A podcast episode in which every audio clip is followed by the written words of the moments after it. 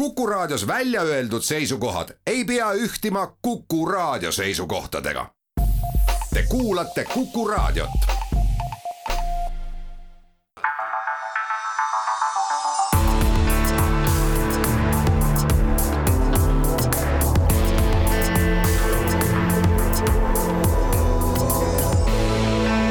olukorrast ajakirjanduses tere kuulama saadet Olukorrast ajakirjanduses. vanamehed viinavabriku kõrval ehk Rein Lang ja Veino Koorberg on kohad sisse võtnud hoiatame kõiki kultuurivaenulikke inimesi, et tänane saade on täielikult pühendatud etenduskunstile ja teatrile sealhulgas. aga alustame ilmateatega, sellepärast et eh, ilmaennustajad on lubanud, et lähiajal läheb soojemaks, temperatuurid ulatuvad üle kahekümne kraadi. praegu on Eestis selge, paiguti vahelduva pilvisusega ilm ilma sajuta ja tumedad pilved Eestimaa kohalt on laiali pühkinud tuul, mis hiiliti ulatub viisteist meetrit sekundit. temperatuuri lubatakse kaksteist kuni kaheksateist kraadi ja Riigikogu valimisteni jääb pisut vähem kui neli aastat. E, sellel ilmateatel on tagamõte, kõik need, kes on lugenud läinud nädala Eesti Ekspressist monumentaalset ajakirjanduslikku teost Eero Epnerilt, milleks on kulunud praktiliselt kogu leheruum saavad aru, millest me rääkima hakkame. hea tuttav muidugi oli, oli päris kõhevel, et ta nägi, et kui lool, et kui ühel ajakirjanduslikul artiklil on eraldi sisukord, et siis annab see väga paljudele lugejatele vastandlikke signaale igal juhul ma kujutan ette, et seda lugu on väga paljud inimesed lugenud, sealhulgas ka need inimesed, keda see otsuselt puudutab. ja no. nii nagu võis ka prognoosida, on neljapäevast alates vanas eas keeles mudilas käimas kõvem happening. ehk äh, ridamisi inimesi on väga närvi läinud,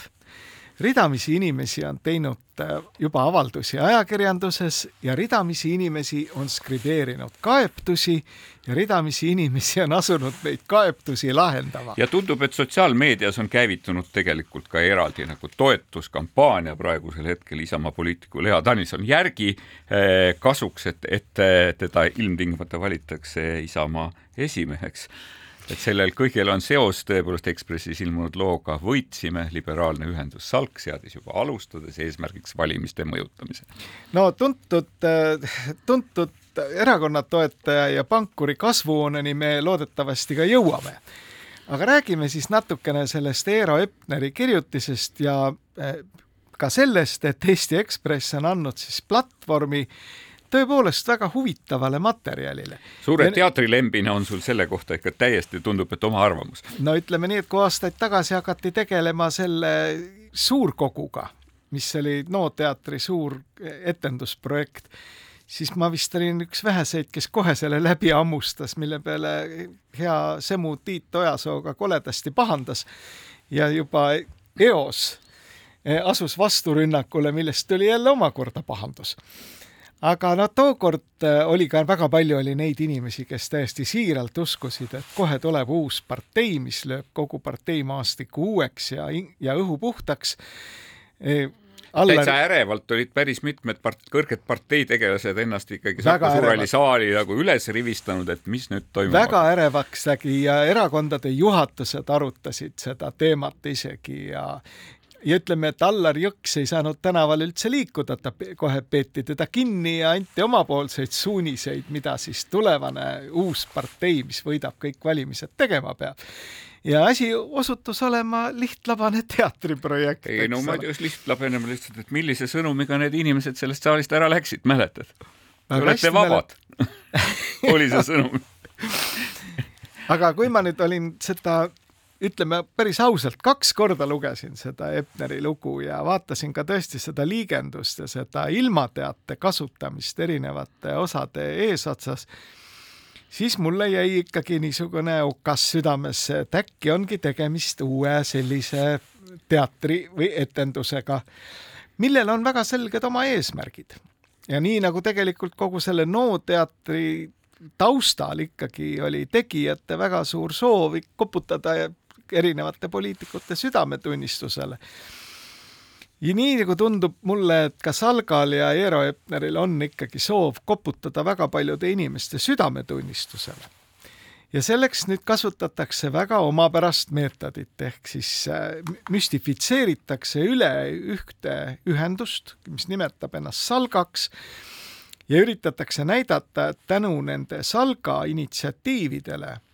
on tegelikult säilimas siis liberaalne riigikorraldus, liberaalne majandus, noh, liberalism kui niisugune. me olime juba kaldumas kusagile katastroofi, tahtsid sa öelda, aga õnneks me aga õnneks... osava sekkumise tulemusena said asjad, said asjad õigesse kohtasse. et äh, no väga mitmetahuline on see probleem, ma saan ka aru, miks on poliitikud närvis, ma saan ka aru, et miks tegelikult äh,, miks tegelikult neid kaebekirju ka kirjutatakse, sest tegelikult, et kui sa siis nagu mõtled, et okei okay,, me räägime valimistest kui rahva tahte realiseerimisest, eks ju, siis teisipidi me räägime kogu aeg nende äh, valimiste formaliseerimisest, eks ju, me räägime parteide valimislubaduste nagu taandumisest mingisuguseks värvikateks, kuid kõlavateks loosungiteks. Nüüd me räägime ka sellest, et mingitest küsimustest enne valimisi ei saanud nagu arutelude käigus ju rääkida, sellepärast et muidu meid ei oleks valitud, eks ju. ja kui me teame, et selle taustal kusagil nagu keegi nagu teeb uuringuid, kogub informatsiooni, jagab seda informatsiooni sellele, sellele analüüsile tuginedes, eks ju, tegelikult äh, kohandab sõnumeid, kohandab äh, tegevusi ja nii edasi ja nii edasi, et eks ju, et siis kas me saame rääkida sellest, et et noh, et need valimised väljendasid seda valijaskonna spontaanset tahet, tahet valimispäeva hommikul? no võib-olla kuulasin väga terava kõrvaga ka selle nädala Keskpäevatundi, kus Postimehe peatoimetaja Priit Hõbemägi oli ikkagi noh, võrdlemisi närviline ja küsis siis oma saatekaaslaste käest, et kas nüüd sellist demokraatiat siis tahtsitegi või? no ma on... saan sellest täiesti aru, sellepärast et mulle tundub, et nagu põhjust murelikuks olla, murelikkuseks on nagu erinevaid, sellepärast igasuguseid erinevaid stsenaariume on tehtud, noh, ise ma ütlesin, ma võtsin kaasa siia stuudiosse Yuval Noah Harari raamatu Homo Deus, kus ta räägib algoritmidest ja kus ta ühel hetkel räägib tegelikult sellest samast valimistest, liberaalsest valimisest, eks ju, ja sellest, et inimene valimiskasti juures on tegelikult üks ääretult eba, kuidagi no ma ütlen, et e e ebanormaalne oleks võib-olla halb sõna öelda, et, et täiesti pragmaatiliselt öeldes üks rumal olend, eks ju, kes on, kes on väga kergesti mõjutatav, eks ju, kelle nina tilgub ja ja, ja tänu sellele, et ta nina tilgub, on tal tuju paha ja ta võib langetada otsuse, mis ei tulene mitte temast nagu sisemisest kristall, kristalliseerunud, eks ju, vaadetest sellest, kes on hea, kes on halb, vaid mingisugusest hetkeolukorrast. ja, ja minu meelest täiesti provo-, provokatiivselt äh, Harari siis soovitab, et tegelikult Google oleks väga, oleks palju parem, kui Google sinu eest tegelikult valimiskasti selle sedeli laseks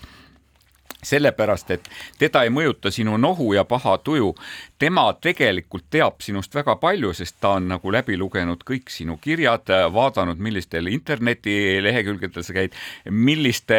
eh, arvamuslugude juurde sa oled pannud positiivseid kommentaare, milliseid juurde sa oled kirjutanud negatiivseid eh, kommentaare või lausa sõimu, eks ju niimoodi ja nii edasi ja nii edasi ja ta samuti oskab analüüsida teksti, ta suudab parteide sellest blablabla bla, jutust blablabla bla, kõrvale jätta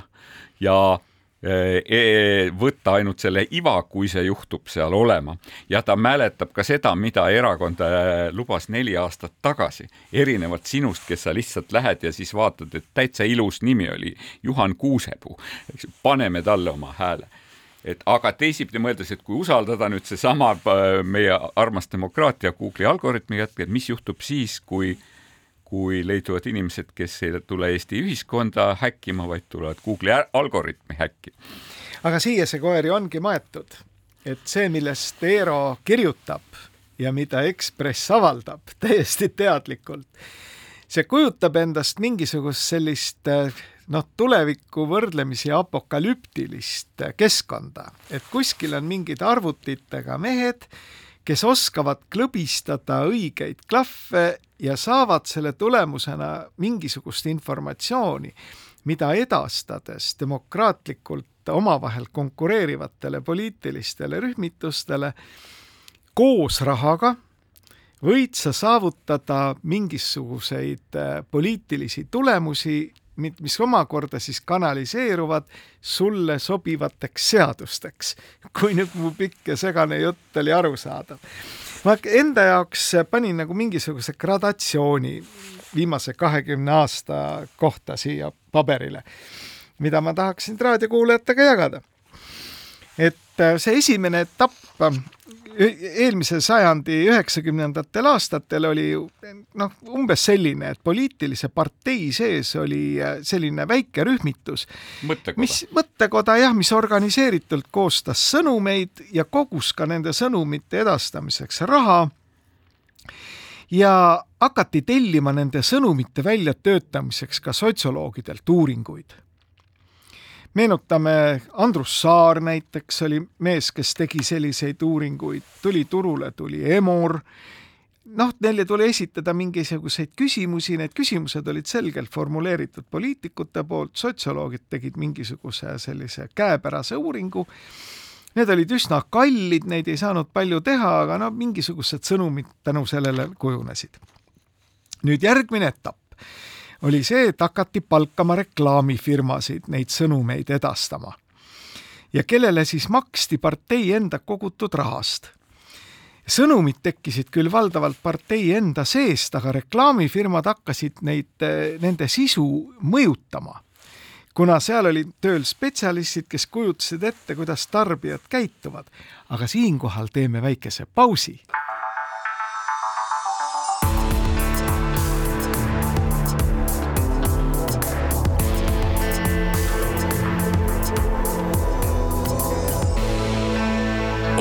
olukorrast ajakirjanduses.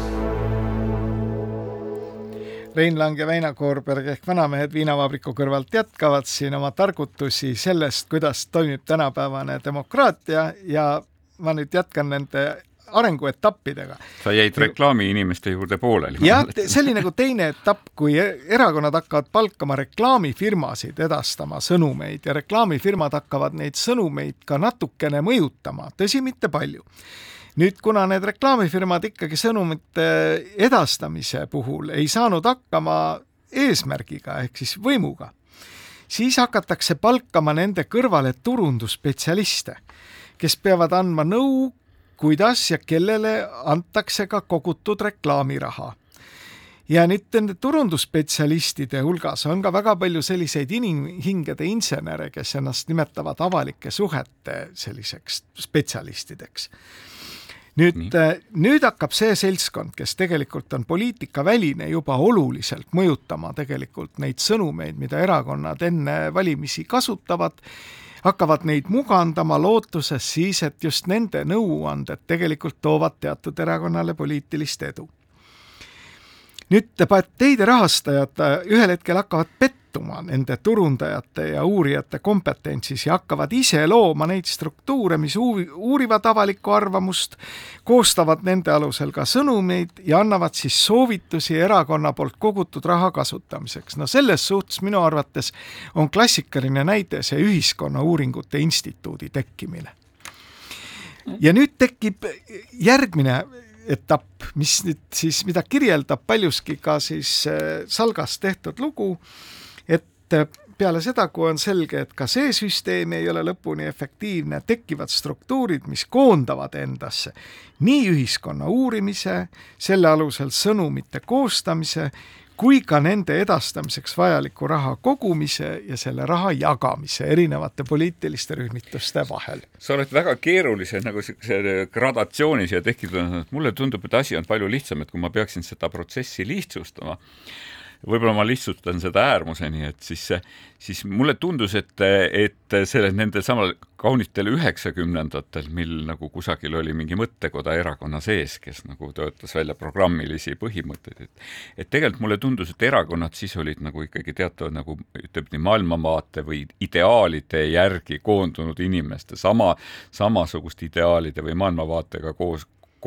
jagavaid inimeste mingisugune kogunemise koht, eks ju, kes tegelikult selgelt teadsid, mida nad tahavad. me oleme Reform, Reformierakond, meie vaated on sellised, eks ju, meie oleme sotsid, eks ju, niimoodi meie vaated on sellised, ütleme niimoodi. et me oleme tegelikult sealt nagu arenenud selle peale, et kus nagu seesama võim iseenesest on, on muutunud nagu eesmärgiks omaette, mis tähendab seda, et see nagu see maailmavaatel ei ole enam suurt nagu vahet minu meelest, eks ju. ja, ja tegelikult see noh, mingis määral on sul õigus, sest et, et mida rohkem ma puutun kokku selle valdkonnaga, seda rohkem ma näen seda, et, et kui erakonnale terve valimisprogrammi kirjutab, eks ju, kusagilt nagu valimiste eel nagu palgatud üks poiss või tüdruk, eks ju,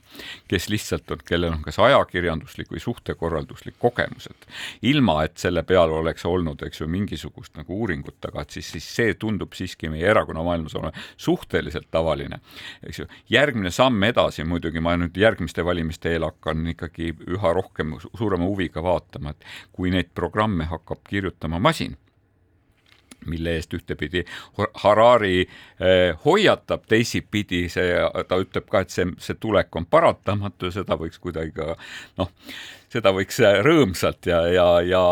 osavõtlikult vastu võtta, et, et et, et kas siis, et kuidas tegelikult, et kuidas seesama poliitik on lubanud, et tema, et, et, et teda, et teda on, teda ja tema maailmavaadet on taandatud nii tühiseks tühiseks nagu etturiks. ja, aga vaata, milles on see konks praegu, on see, et meile nagu serveeritakse läbi Ekspressi pika loo ehk siis Eero Epneri kirjutise selliselt, et kuskil on see struktuur, kus on elavad inimesed, toredad ettevõtjad. kus on, kus on suur oskus, eks ju. sul on suur, suur oskus kasutada mingisuguseid asju. see, see hakkab mulle meenutama, see hakkab mulle, see hakkab mulle meenutama ikkagi pisut seda hüpnotisöör või, või, või olnud hüpnotisöör, ma ei tea küll, kes see, Ants Rootslase nagu business't, eks ju, et sa kõigepealt kiidad ennast hästi nagu tub, tublisti üles, eks ju, niimoodi.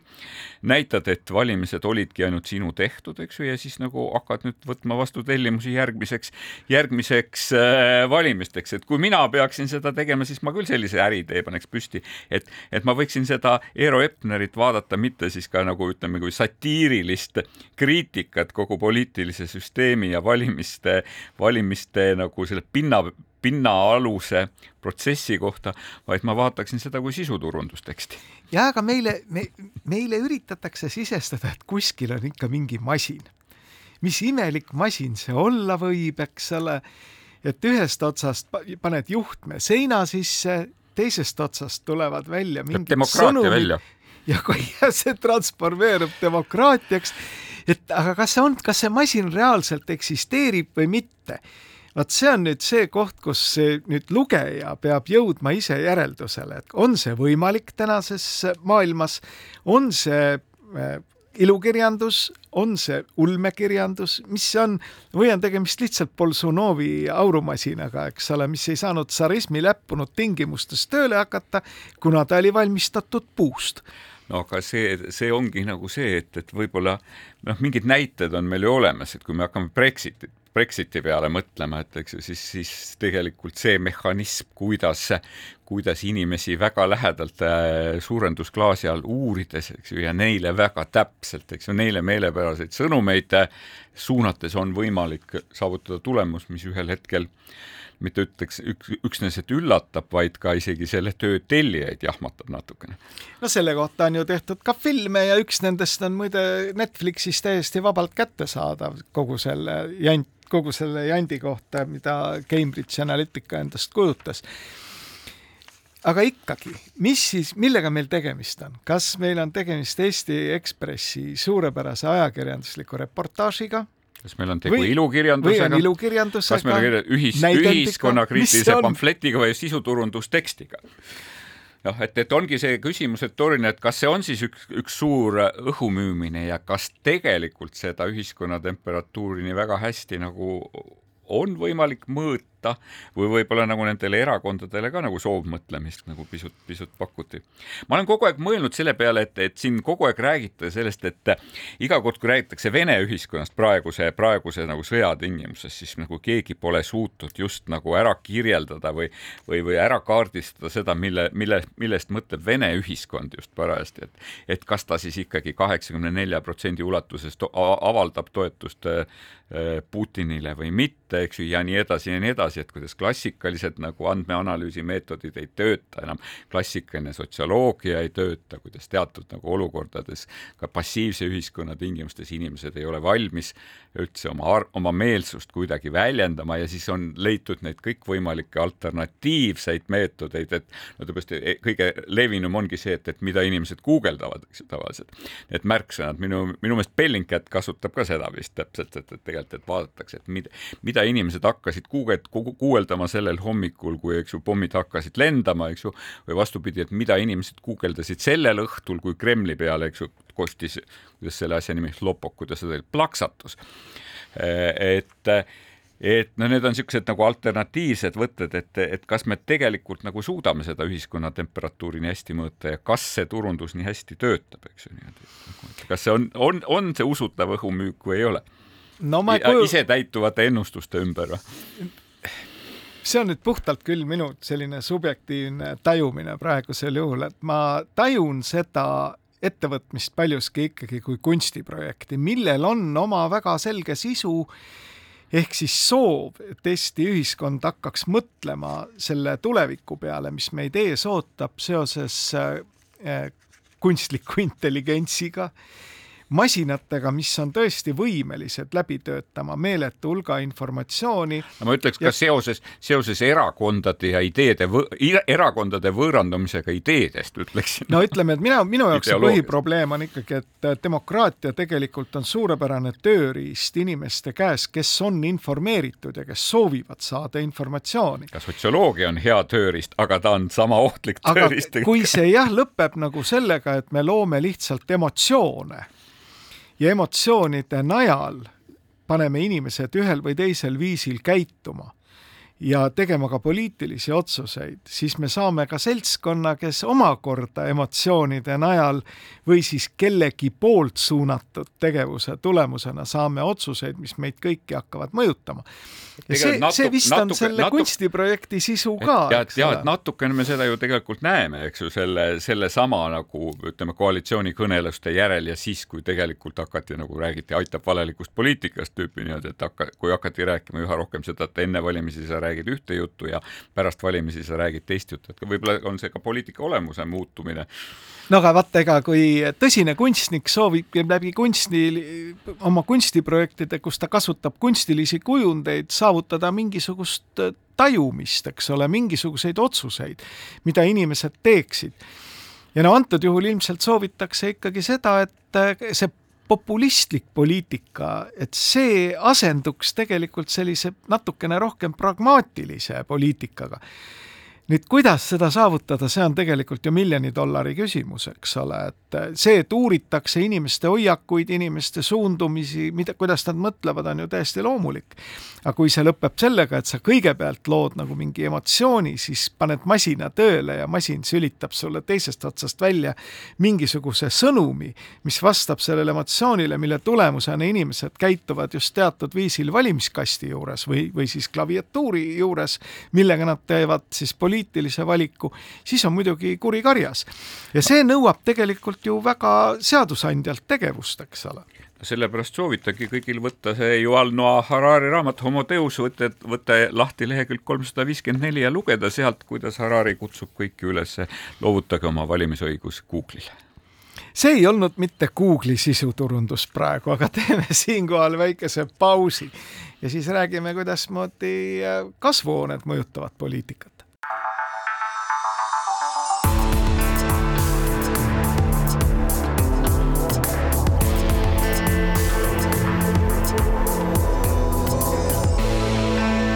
Olukorrast ajakirjanduses.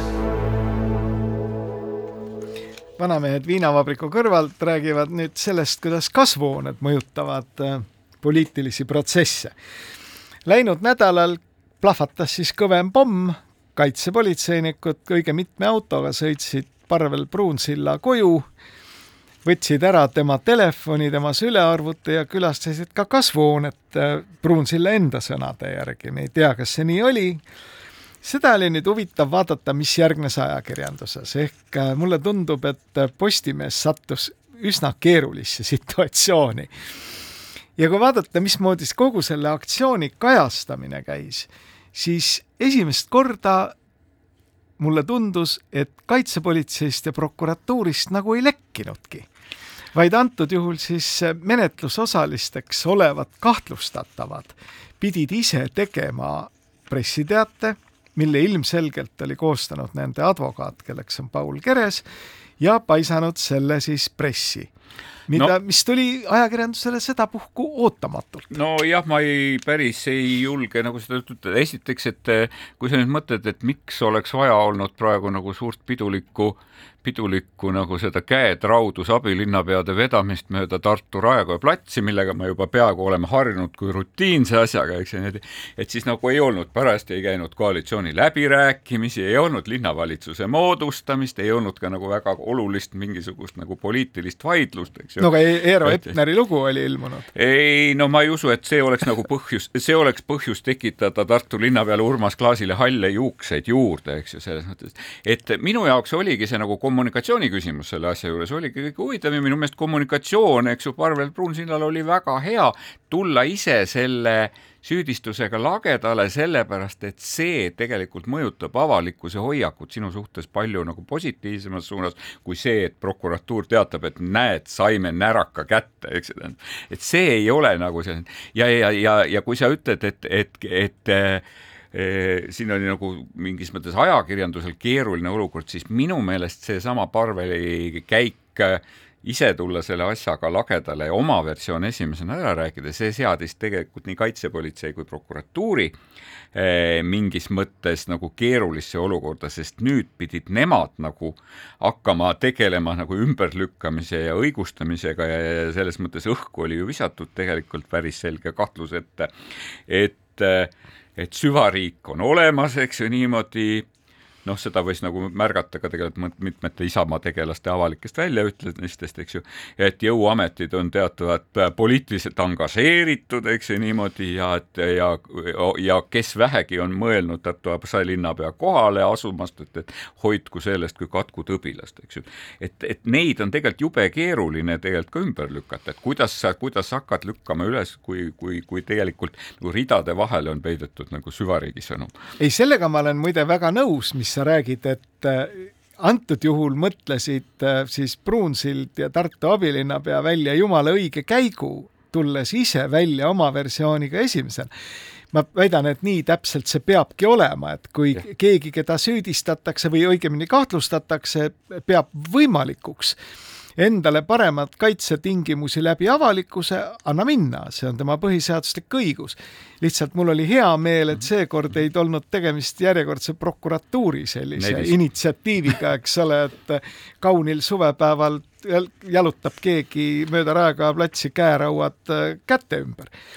Jaan Kinter selle üle tegelikult arutles, arutles ka selle üle, et kas need nii-öelda, et kuivõrd peaks nagu ühiskond või ajakirjandus ja ka avalikkus suhtuma nendesse kahtlustustesse, kas ta peaks nendesse suhtuma sellesse, et nagu, et a priori inimene, kes on saanud sellise kahtlustuse, inimene, kellelt on kilekotis arvuti ja telefon ära võetud, et et see on nagu automaatselt siga ja süüdi et ja, ja see on keeruline küsimus, sellepärast et, et ta viida-, ta viitab ka tegelikult äh, uuringule, kus vaadati, et, et, et kui inimesed, kes kandideerivad tööle ja nad on nagu oma dokumentide seas, sest kuna on niikuinii teada, et, et kandidaate guugeldatakse, kui selgub, et inimese elus on olnud mingisugune kahtlustuse moment ja kui ta on sinna lisanud, eks ju, tead, ülemkohtu otsuse, kus on nagu kinnitatud, et see inimene on olnud täiesti õigus, õige ja kõik süüdistused ja kahtlustused on olnud alusetud, et ometi sellisel juhul, eks ju, see väga sageli see CV visatakse kõrvale, et noh, et umbes, et ei tea, kas tema varastas mütsi või temalt varastati müts, aga mingi jama tal seal oli, ei ole usaldusväärne. et praegu nagu, nagu mulle noh, ma ei saa lahti sellest mõttest tegelikult ja, ja ma näen, et ma ise, ise olen ka tegelikult võib-olla nagu selle asja mõjul, aga ma ei saa lahti sellest mõttest, et, et et neid juhtumeid abilinnapeadega, mis ei ole nagu väga viinud eriti kaugele, küll nad on päädinud selle kaheksa eurose või seitsme eurose jukselõikuse menetlemisega juba mingisuguse seitsme aasta jooksul, eks ju, niimoodi, kui eriti jõhkra korruptsioonijuhtumi puhul,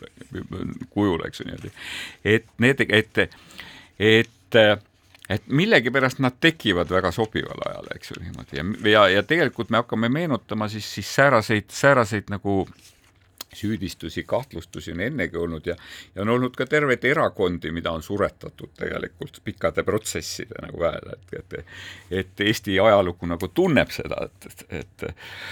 et kas see kahtlustus on nüüd, ma saan aru, et kas see seeme minusse on nüüd praegu istutatud ja idaneb, eks ju, see aitab mind kuidagi õigele pinnale tagasi? No nüüd ongi minu meelest see koht, kus astub mängu vaba ja sõltumatu ajakirjandus, et ta peaks vaatama kõiki poolt ja vastu argumente. kui keegi, keda kahtlustatakse mingis korruptiivses käitumises, ise tuleb välja mingisuguse narratiiviga ja asub seda aktiivselt levitama, siis ega see ei ole ka absoluutselt tõe allikas, ka see väärib kontrollimist, uurimist ja nii edasi nüüd, mis puudutab seda õiguskaitseorganite õigust tulla ise lagedale oma narratiividega, juhul kui nad kedagi kahtlustavad mingisuguses korruptiivses teos, siis siin on minu positsioon olnud vankumatu aastakümneid, et kahtlustuse staadiumis peavad õiguskaitseorganid vaikima nagu haud tegelikult on nende õigus hakata rääkima siis, kui nad on täiesti sügavalt veendunud, et kellelegi tuleb süüdistus esitada ja siis loomulikult kõik see protsess muutub nagu avalikuks. aga lihtsalt mingite kahtlustuste kontrollimise järgus tõmmata ajakirjanduses saak käima on ilmselge inimõiguste rikkumine ja seda on paraku Eestis ikka väga sagedasti ette tulnud. nüüd selles konkreetses kaasuses mulle tundub, et nüüd see kahtlustatav pool üritab just seda mänguvälja nagu enda kasuks mängida. ja jällegi, see on nagu ajakirjanduse asi ära tunda need trikid ja vastavalt ka käituda nüüd ma arvan, et Eesti ajakirjandusel on olnud see suurepärane võimalus tutvustada selle asja faabulat nagu põhjalikult. see vaidlus selle Tartu omaaegse raudteelaste klubi ümber on ju käinud siin aastaid. minu meelest on see olnud nagu suhteliselt koomiline Tartu ilusas kohas seisab kasutamata üks mingi kolakas maja, eks ole, mille ümber käib vaidlus, üks üliõpilaskorporatsioon tahab seda endale saada, tegemist on formaalselt riigivaraga ja nüüd käib siis solgutamine, mis sellest saab nii et äh, nojah, ja selles osas on väga, ühtepidi on, on, on väga huvitav nagu kus otsida, et kus on see tõde tegelikult, kui ma, no ma, ma võisin tajuda pisut erinevat temperatuuri nende kajastuste juures, ütleme niimoodi, Eesti Päevalehel ja Postimehel, eks ju. no temperatuur oli ikka päris erinev. ei, temperatuur oli päris erinev, eks ju, noh, kui ise õpetan toimetamist, siis ütleme niimoodi, et ühe, ühtedes tekstides oli hinnangulisi väljendeid rohkem kui teises ja, ja paratamatult sedapuhku nagu see see miinuspunkt läheb Eesti Päevalehe poole. et, et väga huvitav oli tõepoolest, eks ju, nagu kuulata seda Tartu linnapea sõnumit selle kohta, et ega me seda nagu väga ei tahtnudki, ma saan aru, et linnapeal on nagu seda skandaali oli nagu kõige, kõige vähem vaja. teisipidi kõik, et on loomulik, on loomulik tõepoolest, et Isamaa suurrahastajana on Parvel Pruunsild tegelikult oluline isik, eks ju, ja kui Urmas Reinsalu ei, selle peale nagu ei tõstata päris mitmeid küsimusi, eks ju, siis ta ei oleks Urmas Reinsalu, kuigi ta tegelikult need küsimused, mida ta püstitas, et kui palju neid toimingupiiranguid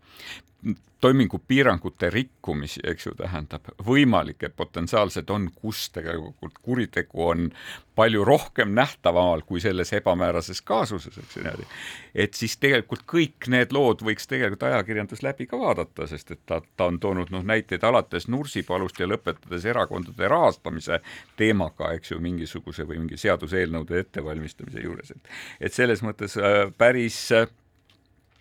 päris mitmekülgset kajastust saaks selle asja juures.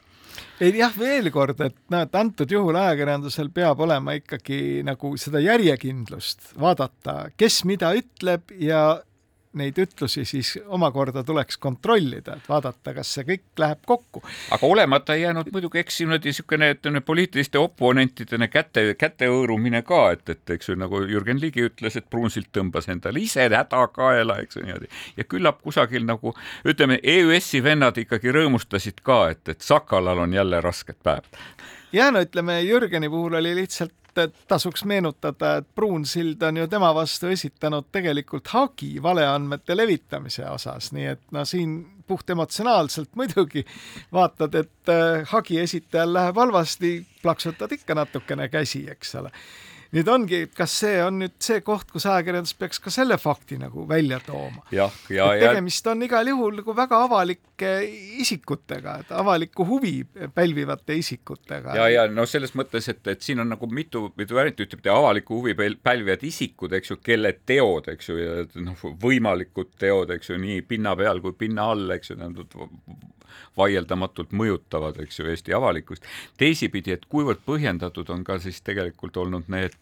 küllaltki hüsteerilised hüüatused, et Isamaa, mitte Isamaa väikene selles mõttes üldises tähenduses, mitte erakonnad, et Isamaa, Isamaa on hädaohus ja Eesti liigub politseiriigi suunda. et kas ka need tegelikult, need argumendid on noh, kas need on põhjendatud, sest seal on tõepoolest ka neid argumente, et et kas läbiotsimine, eks ju, on nii ebamäärases faasis kahtlustuse puhul üldse põhjendatud ja nii edasi.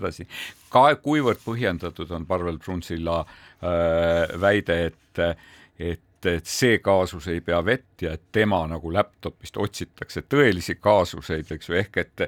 et on meil ju neidki jutte olnud, et, et terves Euroopa Liidus võiksid inimesed kõik olla suurendusklaasi all, eks ju, ja me saaksime näha, mida nad teevad igal hetkel, eks ju, Euroopa Komisjon on siin nagu sõnumisaladuse eh, teemal väga palju nagu äh, ütleme niimoodi, teinud asju, mis inimõiguste kohtule ei meeldi, et eks, et et, et, et kas me liigume selles suunas, et küll me su-, me menetleme, menetleme, küll me midagi ikka leiame no sa räägid siinkohal tõendite kalastamisest, mis on väga tõsine teema ja mida on nüüd ütleme, mittejuriidilise mõtteviisiga inimesele väga keeruline ära seletada. Eestis tõesti on prokuratuuril võimalik tõendeid kalastada. kas see on õige või mitte, on tegelikult parlamendi otsustada. mina seda õigeks ei pea, väga paljudes Ameerika Ühendriikide osariikides on kalastamine omakorda kriminaalkuritegu. Osades on see muide lubatud, nii et selle kohta on, võib nii ja võib naa. aga meie teeme siinkohal väikese pausi, et siis rääkida kõikvõimalikest komistamistest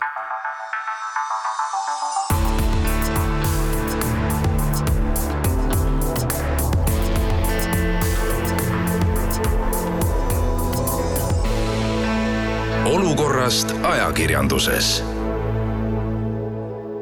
kuku raadio eetrit on vanameeste päralt jäänud ainult seitse minutit. kiirelt libiseme üle sellisest teemast nagu komistamine. Ameerika Ühendriikide president Joe Biden, kui oli kätelnud ja õnnitlenud kadette, hakkas minema oma kohale ja käis käpuli küsimus, kas see mõjutab Ameerika Ühendriikide presidendi valimise kampaaniat?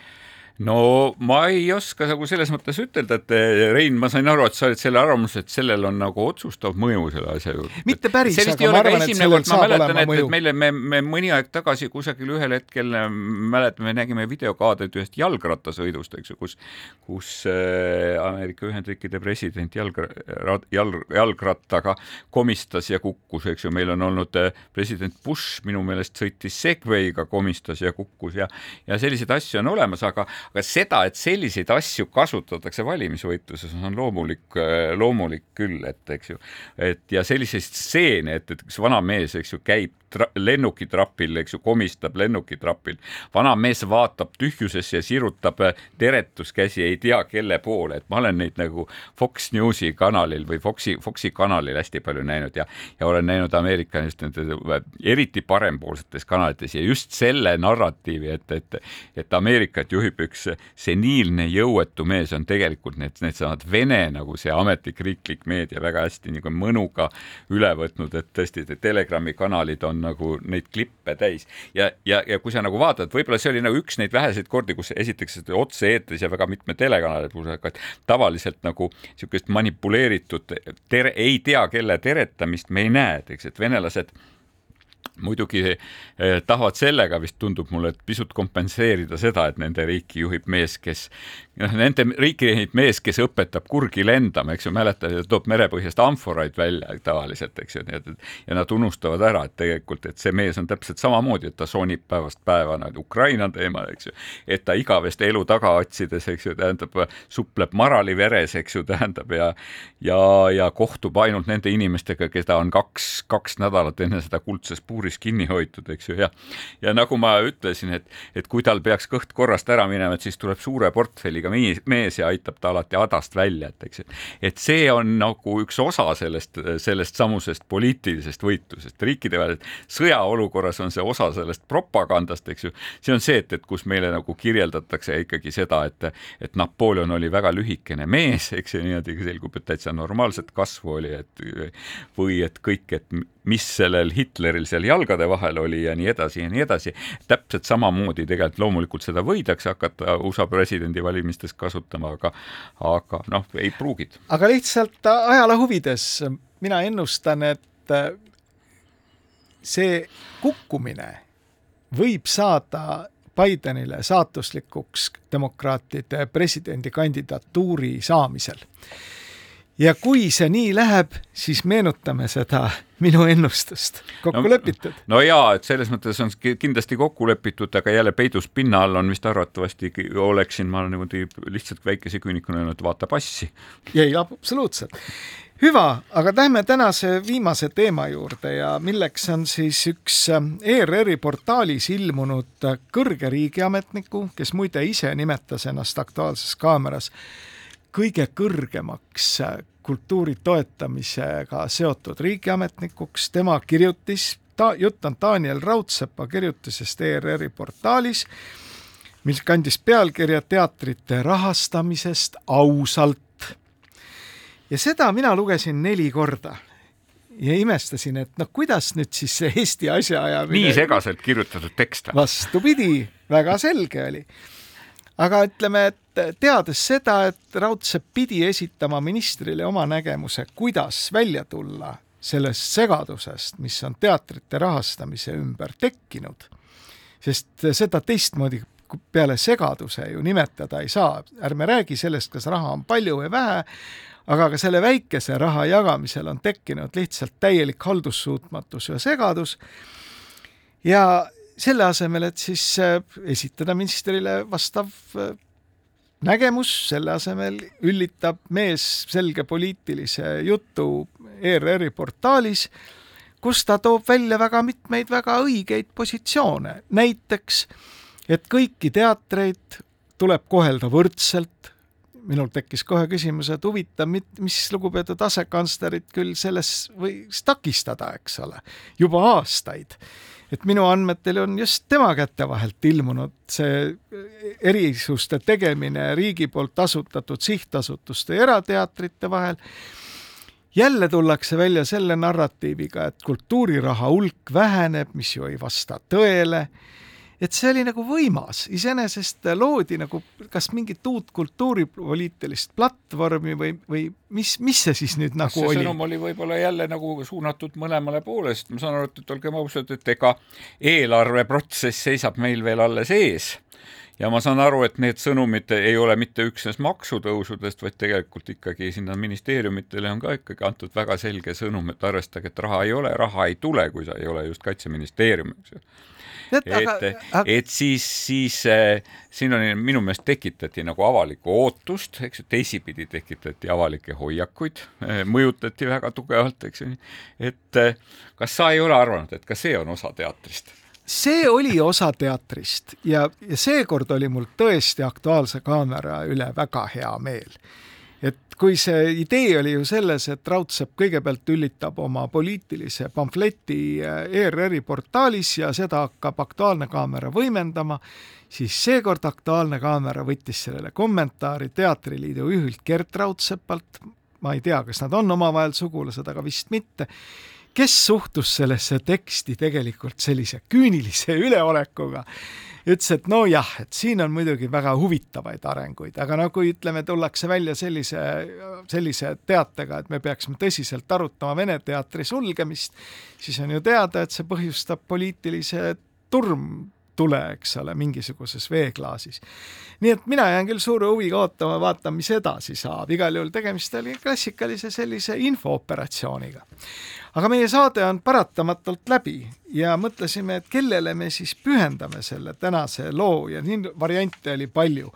Me oleks võinud näiteks mängida Mikroneid, just seda lugu, et mis imeline masin see olla võib. me oleksime võinud salgale. mängida, oleks võinud mängida Ivo Linnat, et mõnikord ma komistan ja mõnikord ma kukun. aga, aga tõusen valik, ikka üles. valik lõpuks langes ikkagi pühenduslooga Daniel Raudsepale ja legendaarne Black Rockit Vaata mind. Kuulmiseni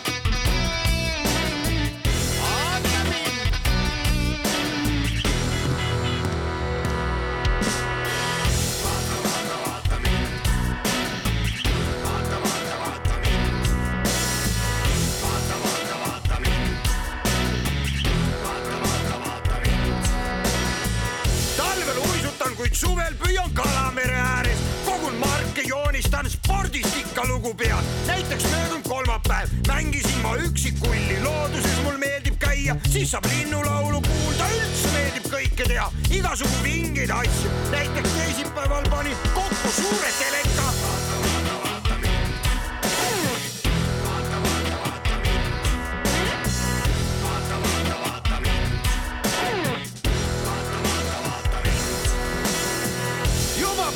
Lapsepõlves olin päris hea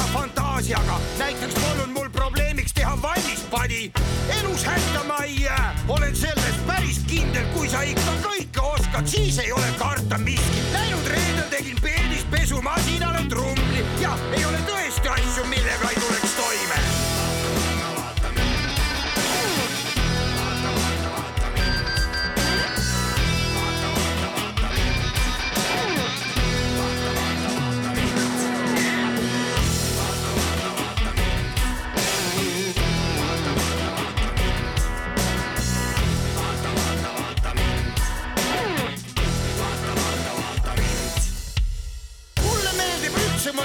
igasugu asju välja, pärast teen siis nendest asju, et ka teistel oleks hea. suhtlemises olen tugev, suhtlen täitsa vabalt. näiteks eile terve päeva rääkisin ma sõbraga. niisiis olen mitmekülgne, ilus, tark ja osav. näiteks võin ma ära süüa